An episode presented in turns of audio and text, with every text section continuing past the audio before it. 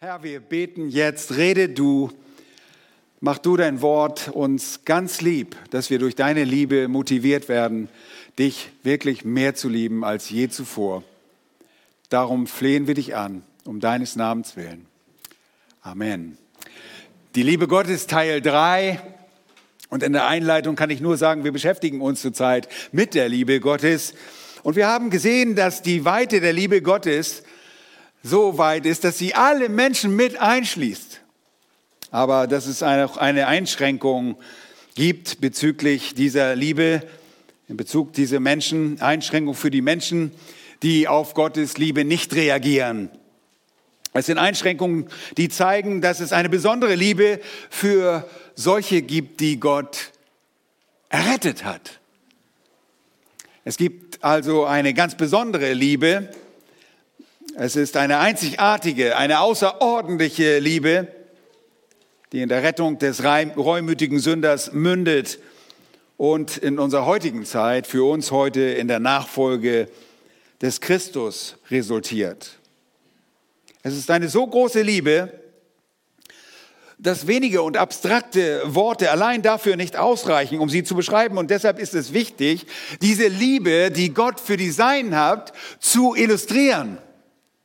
Das hilft uns und das hat Gott sehr wohl erkannt in seinem Wort und deshalb illustriert er seine Liebe anhand von der Geschichte seines Volkes und Umstände, die in seinem Volk geschehen sind. Und wenn ihr versucht, die Einzigartigkeit dieses, diese außerordentliche Liebe zu erfassen und nach einer Illustration dafür sucht, an der ihr euch heute festhalten könnt, dann ist heute der Nachmittag, an dem sie euch gegeben wird. Es ist eine eindrucksvolle Illustration, die Gott selbst für diesen Zweck in seinem Wort gegeben hat. Schon sind wir bei Punkt zwei. Also so viel Zeit habe ich schon gut gemacht. Punkt zwei: Die Illustration einer außerordentlichen Liebe. Nun, wir werden nicht viel mehr heute Nachmittag tun als das. Aber es wird eine ganze Weile dauern, sie zu entfalten. Und es lohnt sich, diese Art die unterschiedliche Art der Liebe und die Qualität der Liebe und das unterschiedliche Ausmaß der Liebe, die Design erfahren, zu illustrieren, findet ihr im Alten Testament beim Volk Gottes sehr, sehr deutlich.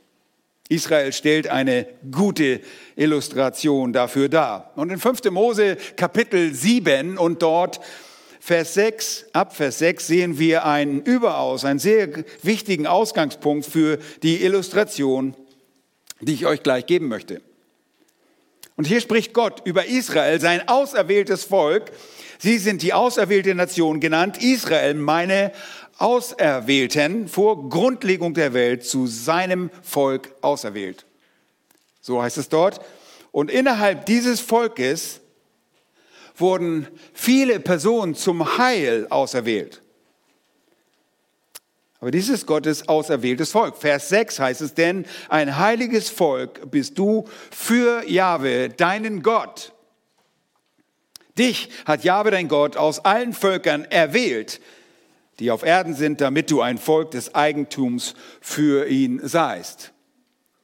Und ihr fragt jetzt vielleicht, warum war Israel Gottes Volk?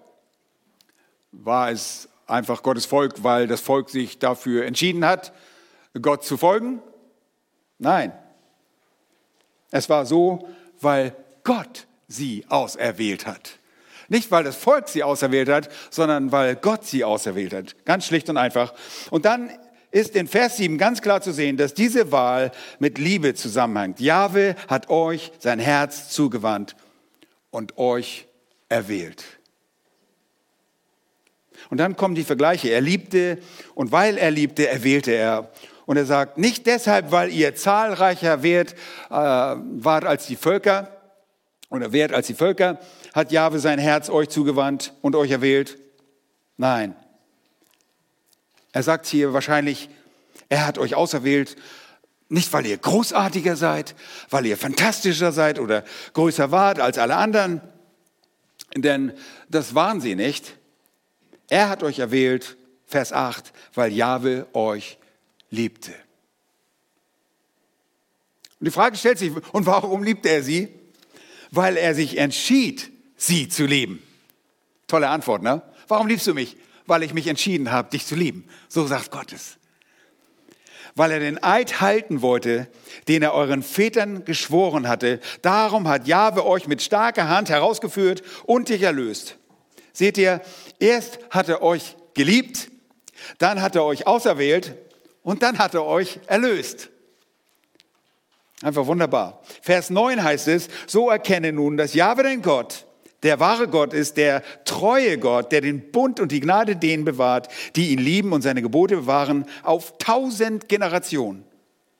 Und er vergilt aber auch jedem, der ihn hasst, ins Angesicht und bringt ihn um. Er zögert nicht, dem zu vergelten, der ihn hasst, sondern vergilt ihm ins Angesicht. Gott liebt aufgrund seiner eigenen Entscheidung. Und ausgehend von seiner Liebe erwählt er. Er erwählt sein Eigentum. Er schließt einen Bund und wird diesen nicht brechen, aber er wird den, den er liebt, erlösen. Und ihr Lieben, das ist einfach das Muster, das wunderbare Muster, das sich immer wiederholt. Und um euch aufzuzeigen, wie sich dieses Schema, dieses Muster auf äußerst anschauliche Weise im Alten Testament entfaltet, bitte öffnet dazu Hesekiel Kapitel 16. Als Männer sind wir gerade durch Hesekiel, das Buch Hesekiel gegangen beim Männertraining. Hesekiel 16 ist das längste Kapitel in der Prophezeiung des Hesekiel. Es gibt 48 Kapitel, und Kapitel 16 ist das längste und das anschaulichste. Nun, das lässt sich debattieren. Aber ich denke schon, es ist sehr dramatisch. Es ist das schlagkräftigste Kapitel in Hesekiel und eines von denen, das am meisten Drama in der ganzen Schrift besitzt. Es erklärt nämlich die außerordentliche Liebe Gottes. Die wird uns dort vor Augen gemalt. Es erklärt diese einzigartige Liebe, die Gott für die Seinen hat. Er liebt, also erwählt er und er wird den, den er liebt und auserwählt hat, auch erlösen. Und ihr Lieben, das ist wirklich ein wunderbares äh, Kapitel, um das festzustellen. Aber ich möchte euch gleichzeitig auch warnen. Es ist ein sehr grafisches, erschreckendes Kapitel.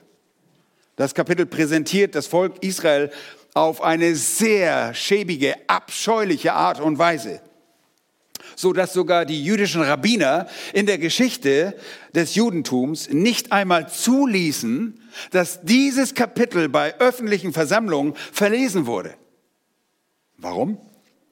Weil es sich auf verheerende Weise auf den üblen Charakter Israels konzentriert. Aber das Traurige daran ist, dass es in diesem Kapitel nicht um Israels Missetaten geht, sondern darum, wie Gott seine Liebe für ein überaus sündhaftes Volk bewahrt und es nicht zu lesen, um dein Angesicht zu wahren, trennt dich von dieser tiefsinnigen Wahrheit der ganzen Schrift, dass Gott seine Liebe aus freien Stücken einem bestimmten Volk angedeihen ließ dieses Volk auserwählte und es erlöste und erlösen wird. Wenn ihr also dieses betrübliche Bild, diese Metapher Israels auslasst, werdet ihr auch diese tiefgehende Demonstration von Gottes Liebe nicht erkennen. Also halte das im Hinterkopf. Dieses Kapitel konzentriert sich auf Gottes auserwählende auf seine barmherzige, seine errettende, seine vergebende, seine ewige Liebe für diejenigen, die er für sich bestimmt hat. Lass uns beginnen. Hesekiel 16 mit Vers 1 natürlich, dafür beginnt man im Kapitel. Und das Wort Jahwes erging an mich folgendermaßen. Menschensohn, und das ist jetzt hier Hesekiel, Menschensohn, äh, in diesem Fall, halte Jerusalem ihre Gräuel vor und sage, so spricht Gott Jahwe zu Jerusalem. Oder so spricht äh, der Herr Jahwe zu Jerusalem, nach Herkunft und Geburt stammst du aus dem Land der Kanaaniter. Dein Vater war ein Amoriter und deine Mutter eine Hethiterin. Moment mal, was heißt das? Nun, zu diesem Zeitpunkt in der Geschichte war Jerusalem die Stadt Gottes. Jerusalem, die Geliebte, gehörte zum Volk Israel. Und sie soll ein Ort der, zur Anbetung des einen wahren Gottes sein, Platz der Anbetung in einem Tempel, der bereits schon dort stand. Aber etwas Tragisches, etwas sehr Tragisches war geschehen. Und er sagt, Jerusalem ist voller Gräuel. Und damit bezieht er sich auf die Götzenanbetung, die Anbetung dieser falschen Götzen und Götter. Und Jahwe sagt zu Ezekiel, du musst Jerusalem sagen, dass ich über ihre Gräuel einfach Bescheid weiß. Und hier ist das, was Jahwe sagen will. Ihr, was ihr tut, ihr geht zu euren Wurzeln zurück. Denn eure Herkunft und eure Geburt waren im Land der Kanaaniter. Und euer Vater war ein Amoriter und eure Mutter eine Hethiterin. Nun, Amoriter und Hethiter sind einfach nur allgemeine Namen für die Siedler von Kanaan. Sie fassen einfach alle heidnischen Götzen anbetenden Stämme zusammen, die es gab, als Israel dort ankam in diesem Land.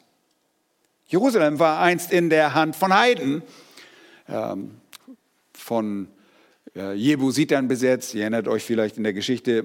Und er sagt, ihr seid zu diesen heidnischen Gräueln jetzt zurückgekehrt. Ihr seid zu dem ursprünglichen Zustand zurückgekehrt.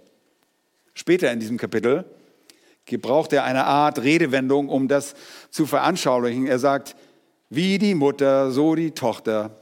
Wir sagen, der Apfel fällt nicht weit vom Stamm. Ne? Ähm, ihr seid zu den Verhaltensweisen eurer Mütter zurückgekehrt, der Amoriter und Hethiter. Ihr habt diese Stadt und dieses Land mit heidnischer Götzenanbetung erfüllt.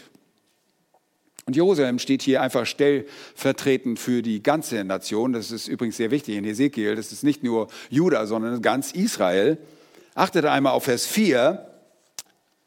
Und mit deiner Geburt verhielt es sich so. An dem Tag, als du geboren wurdest, ist dein Nabel nicht abgeschnitten worden. Du bist auch nicht im Wasser gebadet worden nach deiner Reinigung. Man hat dich nicht mit Salz abgerieben, noch in Windeln gewickelt. Niemand hat mitleidig auf dich geblickt, dass er etwas derartiges für dich getan und sich über dich erbarmt hätte, sondern du warst auf dem Feld, äh, du wurdest auf das Feld hinausgeworfen so verachtet war dein Leben am Tag deiner Geburt. Und er redet hier über Israel. Wisst ihr, wenn ein Baby geboren wurde und unerwünscht war, wie zum Beispiel, wenn es von einer Prostituierten geboren wurde, dann konnte diese Prostituierte nicht mehr ungehindert ihrer Arbeit nachgehen und so warf diese Prostituierte oftmals das Kind einfach auf den Acker, auf das Feld, wo es von wilden Tieren oder Hunden gefressen werden konnte. Nun, das ist kein sehr schönes Bild. Sie, wurde, sie würde das Baby nicht einmal reinigen.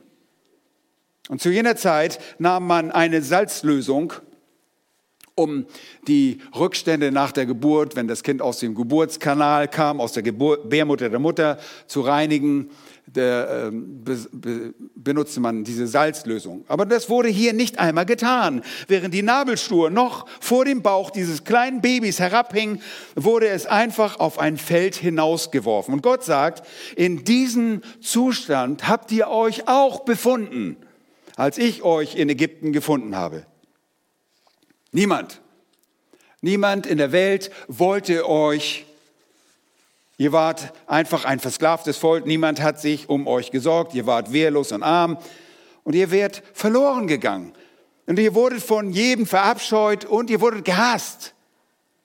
Ihr wart Ausgestoßene, unerwünscht. Ihr wart niemand, kein Erbarm. Und ihr Lieben, das war Israel, vernachlässigt und unerwünscht. Und das ist die wunderbare Realität, dass Gott sich entschied, seine Liebe über diesem Kind auszugießen. Ein dreckiger Ausgestoßener, der mitten in einer heidnischen Welt zum Sterben zurückgelassen wurde. Und er spricht hier über Israels Zeit in Ägypten. Sie waren nichts als Abschaum Sie waren Ausgestoßene, sie waren Müll. Und dann in Vers 6, dann ging ich an dir vorüber und ich sah dich in deinem Blut zappeln und sprach zu dir, als du da lagst in deinem Blut, du sollst leben. Ja, zu dir in deinem Blut sprach ich, du sollst leben. Und ich kam vorbei, holte dich aus Ägypten heraus und gab dir Leben. Warum? Weil ich mich entschlossen hatte, dich zu lieben. Nun warum? Weil es irgendetwas Liebenswertes an Israel gab? Gewiss nicht, nein. Du warst hässlich, du warst blutig, du warst dreckig. Niemand wollte dich. Es gab nichts an dir, das Erbarmen hervorgerufen hätte, aber ich ging an dir vorbei und sah, wie du dich gedreht und gewunden hast, und ich habe ihr Leben gegeben. Und hier spricht er über die Anfangszeit des Wachstums, als das Volk Israel aus Ägypten herauskommt, in das gelobte Land einzieht und beginnt sich zu bilden. Schaut mal dann in Vers 7. Ich ließ sie zu vielen Tausenden werden, wie das Gewächs des Feldes. Du bist herangewachsen und groß geworden und gelangtest zur schönsten Blüte. Deine Brüste wölbten sich und dein Haar wuchs aber du warst noch nackt und bloß. Und das ist eine Betrachtung Israels. Sie sind quasi zu einer Nation geworden und wuchsen langsam und entwickelten sich, aber es gibt weiterhin noch kein Wohlstand an ihnen. Sie sind nackt und bloß. Sie sind gewissermaßen äh, der, wie eine wilde Gruppe von Unzivilisierten, nomadisch. Äh, aber sie die Nation reift. Und dann in Vers 8, als ich nun an dir vorüberging und ich sah, siehe, da war deine Zeit da, die Zeit der Liebe. Und was bedeutet das? Zeit zur Eheschließung. Israel war zur Reife gelangt. Und er sagte, da bereitete ich meine Decke über dich und bedeckte deine Blöße. Nun, Nacktheit war nicht angemessen. Auch nicht für Kinder, schon gar nicht für Erwachsene. Und jetzt wächst ein, hat ein Kind das Kindsein verlassen und hier ist eine junge Frau. Israel ist zu einer reifen Frau herangewachsen, ein Erwachsener. Und sie hatte die Zeit der Liebe erreicht und sie konnte nicht mehr nackt sein. Deshalb habe ich dich bedeckt. Ich habe meine Decke, sagt Jahwe, ausgebreitet und das war übrigens eine Sitte für ein Verlöbnis zur Eheschließung. Wenn ihr mehr darüber lesen wollt, könnt ihr das im Buch Ruth sehen, dort in Kapitel 3 und Vers 9. Aber ich habe euch nicht nur auf diesem Feld aufgelesen, als ihr ein blutiges, dreckiges Baby wart, sondern euch getragen, bis ihr erwachsen geworden seid. Und als ihr reif genug wart, hielt ich es angemessen, euch zu heiraten.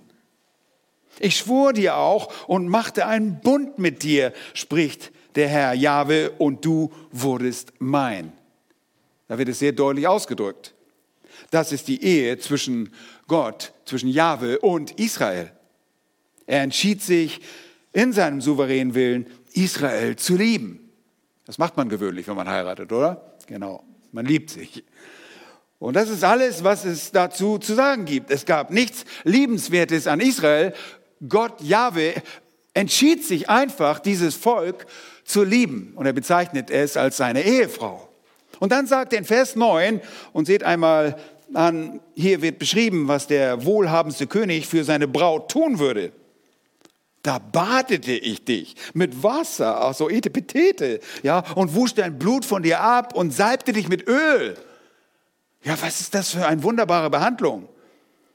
Stellt dir vor, hier kommt eine Frau aus irgendeiner äh, unkultivierten, unzivilisierten äh, Stamm, ja, ich weiß nicht, was ist in Afrika, die Himbas, irgendwo so eine Lehmhütte und total verdreckt und die nehmen ja auf Lehm um so äh, Ungeziefer und jetzt wird, es, wird sie gewaschen diese Frau wird gewaschen. Ich salbte dich mit Öl und dann in Vers 10, ich bekleidete dich mit bunt gewirkten Kleidern und zog dir Schuhe aus Seekuhfellen an. Ich legte dir weißes Leinen an und hüllte dich in Seide. Ich zierte dich mit köstlichem Schmuck, heißt es dort. Ich legte dir Spangen an die Arme und eine Kette um deinen Hals und ich legte auch einen Ring an deine Nase. Oh, oh, das mögen einige von uns nicht, oder? Ah, das war wahrscheinlich nicht so hier in der Mitte mit einer Kette, wo man dann wie so ein Rindvieh abzieht, sondern wahrscheinlich so auf einer Seite. Das war damals in der Kultur durchaus, das ist biblisch, auch wenn ihr das nicht mögt, das ist einfach biblisch. Also nächste Woche nicht alle hier so rumlaufen, aber äh, ich legte Ringe an deine Ohren und setzte dir eine Ehrenkrone auf das Haupt. Und die Liebe ist hier unglaublich. Einfach absolut großherzig. Vers 13 heißt es, so warst du geschmückt mit Gold und Silber und dein Kleid war aus weißem Lein, aus Seide und Buntwerkerei. Du hast Weißbrot und Honig und Öl gegessen. Ah, nicht mal Vollkornbrot. Nein, aber das war einfach was Wichtiges damals. Weißbrot war was, was, was Wunderbares. Ja. Und du wurdest überaus schön und brachtest es bis zur Königswürde. Das ist etwas, was man heute ein Total Makeover äh, nennt. Also völlig, völlig neu, im großen Stil, wirklich ein völliges, völlige Erneuerung für sie. Und das ist, was Gott tut, als er Israel zur vollen Blüte brachte.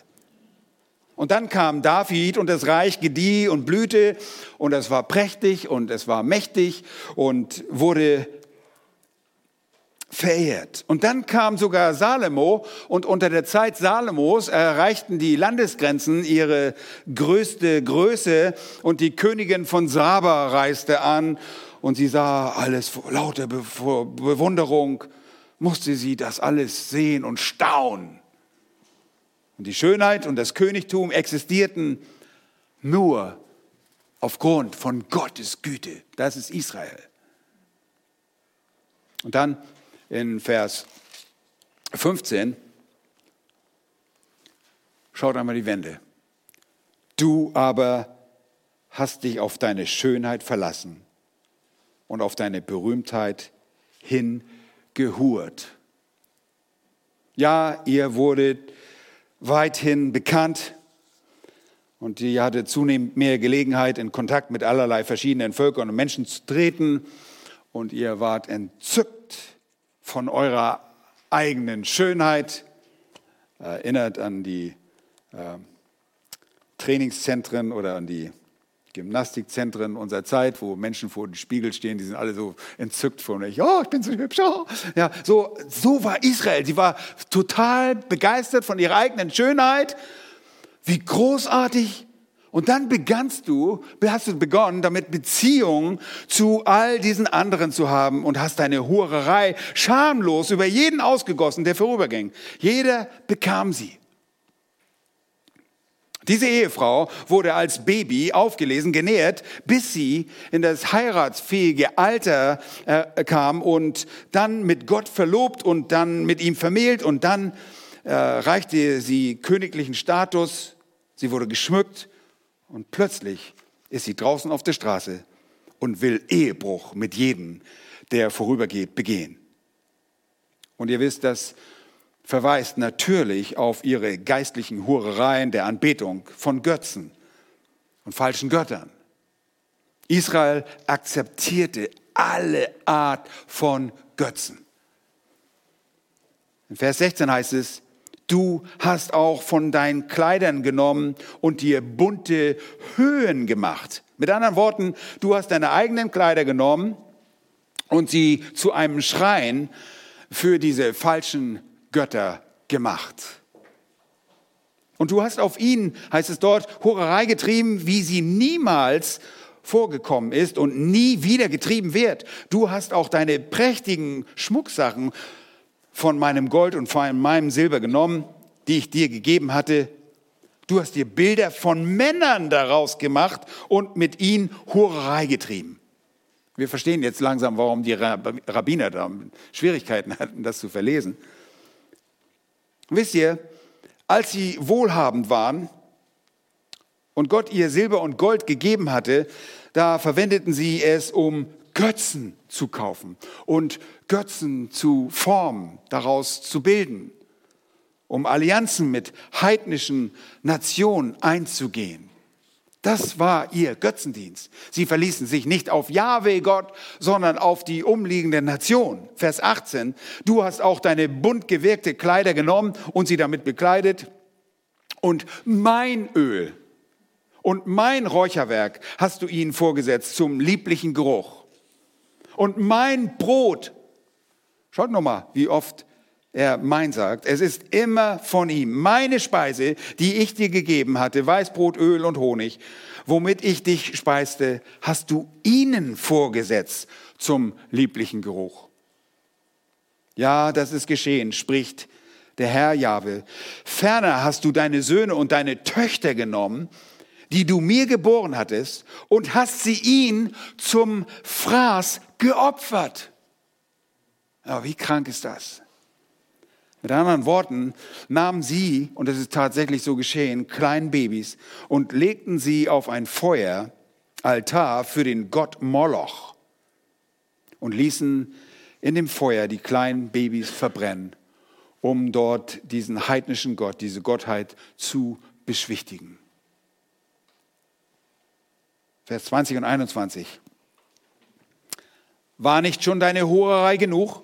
Dass du noch meine Kinder geschlachtet und sie dahingegeben hast, indem du sie für jene durchs Feuer gehen ließest? Und bei all deinen Gräueln und deinen Hurereien hast du nicht an die Tage deiner Jugend gedacht, wie du damals nackt und bloß dalagst und in deinem Blut zappeltest?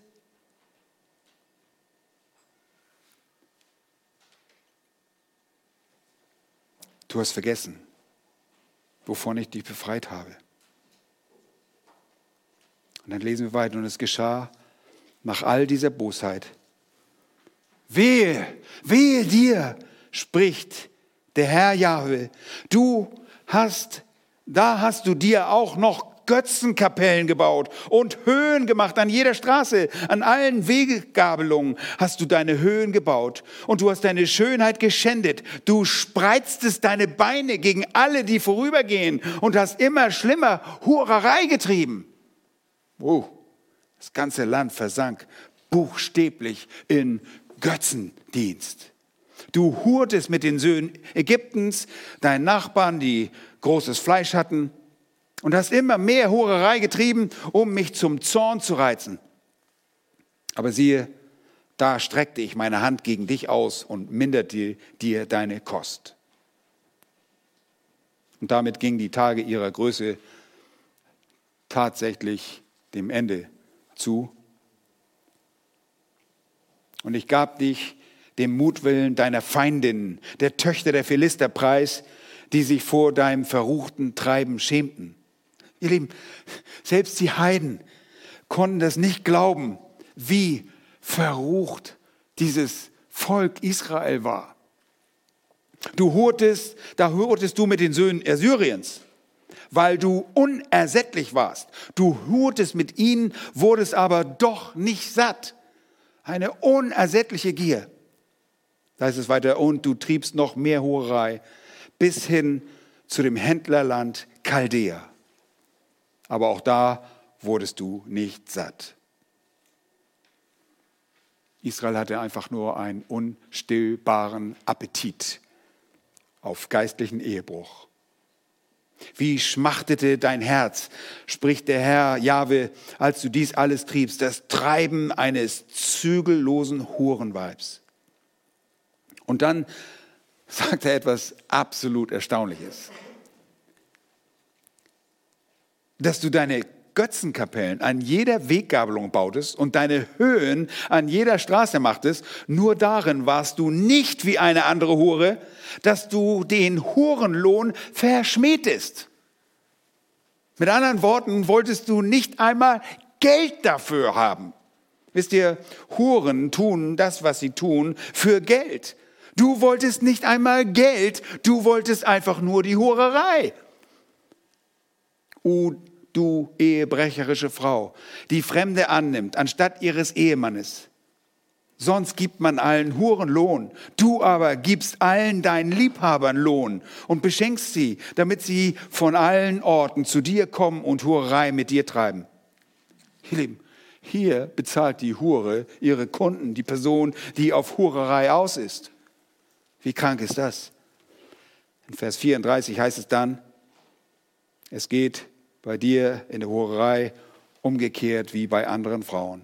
Dir stellt man nicht nach, um Hurerei zu treiben, denn da du Hurenlohn gibst, niemand spielt die Hure so wie du, denn da du Hurenlohn gibst, dir aber kein Hurenlohn gegeben wird, ist es bei dir umgekehrt. Seht ihr, wie weit sie es getrieben haben? Darum, du Hure, höre das Wort Jahwes. Und hier kommt das Gericht. So spricht der Herr Jahwe, weil du dein Geld so verschwendet hast und mit deiner Hurerei deine Blöße gegen alle deine Liebhaber aufgedeckt und gegen alle deine gräuelhaften Götzen entblößt hast und wegen des Blutes deiner Kinder, die du ihnen geopfert hast. Darum siehe, will ich alle deine Liebhaber versammeln, denen du gefallen hast, alle, die du geliebt und alle, die du gehasst hast. Ja, ich will sie von allen Seiten ringsum gegen dich versammeln und deine Blöße vor ihnen aufdecken, dass sie deine ganze Blöße sehen sollen. Ich will auch das Urteil sprechen, wie man den Ehebrecherinnen und Mörderinnen das Urteil spricht und an dir das Blutgericht vollziehen mit Grimm und Eifer. Und ich will dich in ihre Gewalt geben und sie werden deine Götzenkapellen abbrechen und deine Höhen umreißen. Sie werden dir deine Kleider ausziehen, sie werden dir all deinen kostbaren Schmuck nehmen und dich nackt und bloß liegen lassen. Sie werden auch deine Versammlung gegen dich aufbieten. Sie werden dich steinigen und dich mit ihren Schwertern erschlagen. Sie werden deine Häuser mit Feuer verbrennen und an dir das Strafgericht vollziehen vor den Augen vieler Frauen. So will ich deiner Hurerei ein Ende machen. Und du wirst künftig auch keinen Hurenlohn mehr geben. Und ich will meinen grimmigen Zorn an dir stillen. Und dann wird sich mein Eifer von dir abwenden. Und ich werde Ruhe finden und nicht mehr zornig sein weil du nicht mehr an die Tage deiner Jugend gedacht hast, sondern durch dies alles dich gegen mich gewandt hast, so will auch ich dir deinen Wandel auf deinen Kopf bringen, spricht der Herr Jahwe, damit du nicht zu all deinen Gräueln noch weitere Schandtaten verübst. Nun, wovor, wovon spricht er hier? Er spricht von der babylonischen Gefangenschaft. Und das ist wirklich eine direkte Prophezeiung der Ereignisse von 586 vor Christus, als Israel von den Babyloniern zerstört wurde und die Zeit kurz davor. Sie, das Volk, wurden niedergemetzelt. Sie wurden abgeschlachtet. Ihre Städte wurden geplündert und niedergebrannt und Gott sagt, ich werde dies herbeiführen und du wirst in die Gefangenschaft abgeführt werden. Und das ist genau das, was in der babylonischen Gefangenschaft geschah. Hesekiel sagt die Ereignisse des Jahres 586 vor Christus voraus. Als Israel bzw. Jerusalem zerstört und das, die ganze Nation niedergemetzelt wurde und die restlichen Überlebenden in die babylonische Kultur und Gefangenschaft abgeführt wurden, um geläutert zu werden. Aber achtet einmal auf das, was jetzt als nächstes kommt. Ihr dacht, hey, reden wir jetzt nicht über die Liebe Gottes? Vers 44. Sie alle Spruchdichter werden auf dich dieses Sprichwort anwenden. Wie die Mutter, so die Tochter. Was bedeutet das? Ihre Mutter waren die Hethiter und Amoriter und sie verhält sich wie ihre Mutter. Vers 45. Du bist die Tochter deiner Mutter, die ihren Mann und ihre Kinder verschmähte und du bist die Schwester deiner Schwester, die ihre Männer und ihre Kinder verschmähten. Eure Mutter war eine Hethiterin und euer Vater ein Amoriter. Mit anderen Worten, lebt ihr einfach nur das, was ihr früher einmal wart, nämlich fürchterliche Heiden. Und deshalb sollten die Amoriter auch aus dem Land ausgerottet werden. Als das Maß ihrer Sünden voll waren, sollte Israel das Land einnehmen, um das anders zu machen. Ihr seid dem früheren Zustand zurückgekehrt, trotz meiner Liebe, trotz all der Dinge, die ich für dich getan habe. Nun, wir können nicht alles lesen, aber Vers 46 bis 59 sind unglaublich. Er sagt in Vers 46, deine ältere Schwester ist Samaria, das ist nördlich von dir, deine jüngere Schwester südlich von dir ist Sodom. Und wir alle wissen, was Sodom bedeutet. Du verhältst dich wie Samaria und Sodom. Sodom, das einst mit Feuer und Schwefel verzehrt worden war und jetzt zurückgekehrt ist und mit heidnischen Bräuchen wieder bevölkert wurde. Und da ist Samaria, das von Gott gerichtet worden war und jetzt mit heidnischen Bräuchen zurückgekehrt ist. Schaut Vers 47, auf ihren Wegen bist du nicht gewandelt. Und nach ihrem Gräueln hast du nicht gehandelt, sondern wie wenn dies zu wenig gewesen wäre, hast du es in all deinen Wandel schlimmer getrieben als sie. Hammer, oder?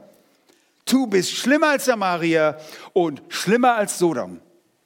Du bist ganz offensichtlich die Tochter deiner Mutter und deines Vaters, der Amoriter und Hittiter. Du bist heidnisch in einem Ausmaß, das selbst Sodom und Samaria übertrifft. Deine Gräuel sind schlimmer. Und du wirst mehr gedemütigt werden als Samaria und Sodom, die deine Schwestern sind. Denn sie entstammen ebenfalls den Amoritern und Hittitern. Und dann in Vers 57 heißt es sogar, du bist vom Hohn der Töchter von Edom geworden. So steht es in der Elberfelder. Sonst steht da Aram und aller, die hier sind, die Töchter der Philister, die ringsum dich ringsum verachten. Jeder sieht, wie, wie korrupt du bist. Jeder. Das sehen sogar die Heiden. Vers 59. Denn so spricht der Herr Jahwe. Ich handle an dir, wie du gehandelt hast. Du hast den Eid verachtet, den Bund gebrochen. Es ist verwunderlich, dass die Rabbiner das nicht gerne lesen, äh, vorlesen wollten. Ist das verwunderlich? Nein, wir können das verstehen. All das ist eine unglaubliche Anklage, die in der babylonischen Gefangenschaft endet, in der heidnischen Welt, die einfach auf, das, auf die Verruchtheit Israels schaut und erkennt, dass Israel schlimmer ist als sie es war, waren. Aber hört mir bitte zu. Sie waren wenig lebenswert am Anfang, aber viel verachtungswürdiger, nachdem Gott sie zu seiner Braut gemacht hatte. Viel mehr als jedes andere Volk um Israel herum. Und sie begannen als die geringsten und endeten als die schlimmsten. Und deshalb ist das Ende des Kapitels absolut schockierend. Voll, das ist die Schockwirkung. Vers 60. Aber, aber, Gott sagt nicht, ich werde dich mit einem heiligen Hass hassen oder ich werde dich verachten. Er sagt, aber ich will an meinen Bund gedenken den ich mit dir geschlossen habe in den Tagen deiner Jugend, und ich will einen ewigen Bund mit dir aufrichten. Und was ist das? Warum verfährt er nicht so mit ihnen wie mit den Sodomitern? Die waren doch, die, die, die, waren noch, die Sodomiter waren noch viel besser als Israel. Warum verfährt er nicht so wie mit den Samaritern oder den Leuten von Samaria? Sie waren doch auch besser. Ihr Lieben, das verstehen die meisten nicht richtig. Das ist das Volk, das ich mich entschlossen habe zu lieben und mit dem ich einen Bund geschlossen habe. Und das ist ein ewiger Bund. Ich liebe sie so sehr, wie ich lieben kann, egal wie sie sind. Ich werde sie bis ans Ende ihres Lebens und meines Lebens lieben. Ich werde sie ewig lieben und ich werde sie nie genug leben, um ein Opfer für ihre Sünden darzubringen. Warum? Weil ich mich entschlossen habe, das zu tun. Vers 62. Aber ich will meinen Bund mit dir aufrichten und du sollst erkennen, dass ich Jahwe bin. Und jetzt wird ein Zweck eingeleitet, damit, damit du daran denkst und dich schämst und vor Scham den Mund nicht auftust, wenn ich dir alles vergebe, was du getan hast, spricht der Herr Jahwe. Oder es steht nur Jahwe, ich weiß es nicht genau. Ähm, ist das nicht überwältigend? Er sagt gerade, ich werde euch zum Schweigen bringen, ich werde euch erniedrigen, wie indem ich euch vergebe. Hammer. Warum vergibt er ihnen? Warum hat er Sodom nicht vergeben? Er hat sie nicht auserwählt. Aber Israel hat er auserwählt. Warum hat er Samaria nicht vergeben? Er hat auch sie nicht auserwählt und keinen Bund mit ihnen geschlossen. Seht ihr, Gott liebt seine Erwählten. Er entschließt sich, einen Bund mit diesem Volk zu machen. Und dieser Bund ist ein ewiger Bund, der vor Anbeginn der Zeit in der Dreieinheit beschlossen wurde. Und der nach außen hin sichtbar wird in einem erlösenden Zweck, im Interesse dieser Auserwählten. Und diese Erlösung kann weder abgeschnitten noch zurückgehalten werden. Ihr Lieben, Sodom wurde zerstört und war nicht erlöst, Samaria war nicht erlöst, Israel war schlimmer als beide und Gott vergab ihn und wird ihn vergeben. Warum würde Gott so vergeben? Weil er seine Liebe auf Israel gesetzt hat und Israel zu seinem Eigentum. Sie sind mein Volk, sagt er. Und seine Liebe für sie hat ein vollkommenes anderes Ausmaß als die barmherzige und gnädige Liebe, die warnende Liebe, die er für die ganze Welt empfindet. Erinnert euch, Gott hat Liebe für alle, aber nicht in dieser Art und Weise. Diese Liebe ist vollkommen, diese Liebe ist umfassend, diese Liebe ist vollständig, diese Liebe ist letztlich eine rettende Liebe. Diese Liebe ist ewig. Es ist die Liebe, die ihn dazu veranlasste, seinen Sohn in die Welt zu senden. Nur damit jeder, jener sein Leben für die Seinen niederlegen konnte. Nun, persönlich sah das in Hinsicht auf die Liebe Gottes in 2 Samuel 12 folgendermaßen aus. Wir haben die Illustration anhand eines Volkes gesehen, aber ich möchte auch ganz kurz eine persönliche Illustration geben. 2 Samuel 12 zeigt wirklich auf, wie diese Liebe sich auf, auf Einzelne konzentriert. Ihr erinnert euch sicherlich an die Sünde, wer tut das nicht, an die Sünde Davids mit Bathseba. Ähm, er hatte veranlasst, dass ihr Mann, Bathsebas Mann, hingerichtet wurde und dann hat er Ehebruch mit ihr begangen und Gott ähm, und er hatte Ehebruch mit ihr begangen, genau. Und Gott war natürlich sehr erbost. Und das Kind, das aus diesem Ehebruch hervorging, das starb. Und dann heiratete er letztlich die Ehebrecherin. Sie wird zu seiner Frau. Bathseba wird zu seiner Frau. Und er tröstet Bathseba und er geht zu ihr ein und lag bei ihr. Und sie gebar einen Sohn und gab ihm den Namen Salomo. 2 Samuel 12, 24. Aber achtet mal auf die nächste Zeile dort in Vers 24. Da heißt es, und Jahwe liebte ihn. Ja, was bedeutet das? Es bedeutet einfach, dass Jahwe ihn liebte. Ganz einfach. Jahwe entschied sich, Salomo zu lieben. Salomo ist ein Baby, Salomo ist weder gläubig noch ungläubig, aber Jahwe bekundet seine Liebe und ließ seine Liebe einfach gegen Salomo raus und er wird ein Kind, das durch eine sündhafte, böse Vereinigung geboren wurde, aber Jahwe liebte ihn. Aber als Salomo erwachsen wurde, erinnert ihr auch, hat er hundert von Ehefrauen. Ein Mann, der das tut, ist nicht nur ein Ehebrecher, sondern auch ein Narr, ähm, der sogar noch Nebenfrau besaß. Warum würde Jahwe diesen Mann lieben? Warum? Nun, weil es Jahwe eine Freude ist, Sünder zu lieben und diese im Zuge seiner Liebe zu begnadigen. Er liebte ihn einfach, weil er sich entschlossen hatte, ihn zu lieben. In Nehemiah 13, Vers 26 heißt es dann, Hat sich nicht Salomo, der König von Israel, damit versündigt? Antwort ja. Mit all seinen ausländischen Ehefrauen, die Götzenanbetung und allerlei Dinge, die das mit sich brachten, äh, verführte. Hier sind wir wieder bei dieser Art von Sünde, die das Volk begangen hatte. Er hat sich doch versündigt, oder? Doch, hat er. Ihm war doch unter den vielen Völkern kein König gleich. Er hatte ausländische Frauen, die ihn veranlassten zu sündigen, aber Gott setzte ihn zum König über ganz Israel. Und kurz davor lesen wir, und er war von seinem Gott geliebt. Ihr Lieben, dies alles, dies alles zeigt Gottes spezielle und wunderbare Liebe für die Sein. Mehr kann man dazu nicht sagen. Welches Ziel auch Gott immer damit verfolgt, er entschließt sich, den zu leben, den er auserwählt. Und dem, den er sich entscheidet zu lieben, vergibt er und er erlöst ihn.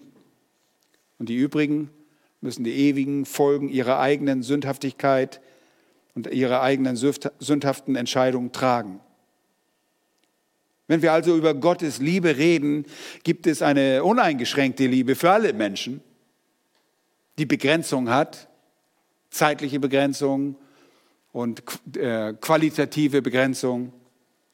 Aber es gibt auch eine außerordentliche, eine Einzigartigkeit der Liebe, die nur seinen Auserwählten vorbehalten ist.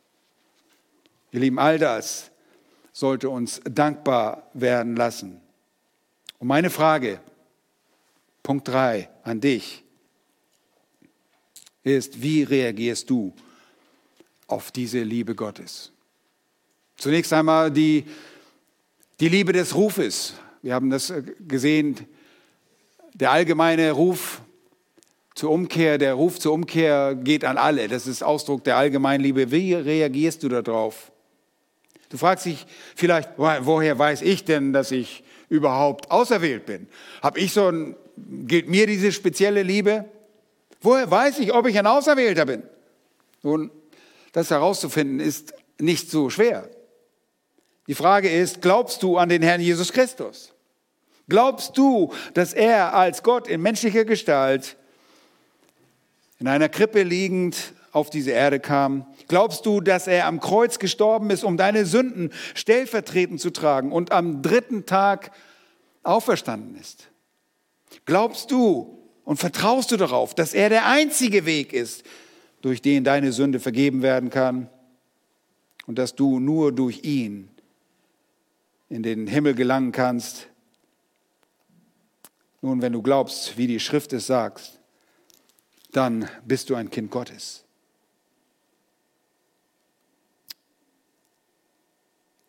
Wenn du nicht weißt, was du glaubst und vor allen Dingen Lass mich noch etwas hinzufügen. Nicht nur glaubst. Wenn du weißt, dass du Christus nicht liebst. Wir glauben und lieben Jesus. Wir glauben nicht nur und sagen, oh, ich glaube, dass es er. Nein, wir, wir lieben ihn auch. Wenn du das nicht weißt, dann folge seinem Ruf heute. Tu Buße. Kehre um, bekenne deine Schuld. Beginne ihn zu vertrauen. Und setz deinen ganzen Glauben und dein ganzes Vertrauen auf Jesus. Liebe Jesus so, wie die Schrift es sagt. Nicht nach deiner eigenen Fasson, sondern wie die Schrift es sagt. Und dann wirst du wissen, dass du ein Erretteter bist. Und du wirst gerettet werden. Du wirst augenblicklich gerettet werden und du wirst künftig gerettet werden. Nun, ich muss dazu hinzufügen, die Israeliten waren nicht automatisch Gerettete. Gott hat sie geliebt als Nation, aber sie sind nicht automatisch Gerettete. Aber seine Verheißung würde sein, dass er sie zum Ziel bringt. Eines Tages wird ganz Israel umkehren. Die Israeliten werden auf die Knie gehen und sich ihm beugen. Den, den sie durchstochen haben. Lass uns beten. Herr, wir danken dir für deine außerordentliche Liebe uns, deinen Kindern gegenüber. So unbegreiflich. wie du uns in ganz ähnlicher Manier, nach einem ähnlichen Muster aus dem Schlamm unserer Sünde herausgezogen hast. Herr, und du reichst so tief herunter, die tiefste und die dreckigste aller Sünden, verhindert deine Errettungskraft nicht. Da, wo sich ein Mensch beugt und vor dir demütigt, da bist du barmherzig. Und wir wissen, dass wenn deine Barmherzigkeit zum Tragen kommt, dass du diesen Menschen liebst. In einer Art und Weise, dass du ihn auch künftig, in künftigen Erlösung schenken wirst. Nicht in, nur in der Gegenwart, sondern auch auf die endgültige Erlösung, auf die wir auch warten. Danke, Herr, dass du immer noch Gnade schenkst. Dass es nichts gibt, was uns von dir trennen könnte, wenn wir willig sind, dir zu glauben, dir zu folgen und dich zu lieben. Herr, wir als deine Kinder danken dir, dass du uns zuerst geliebt hast, so dass wir dich jetzt auch lieben dürfen und sogar einander und unsere Feinde. Wir geben dir die Ehre und preisen dich von ganzem Herzen. Amen.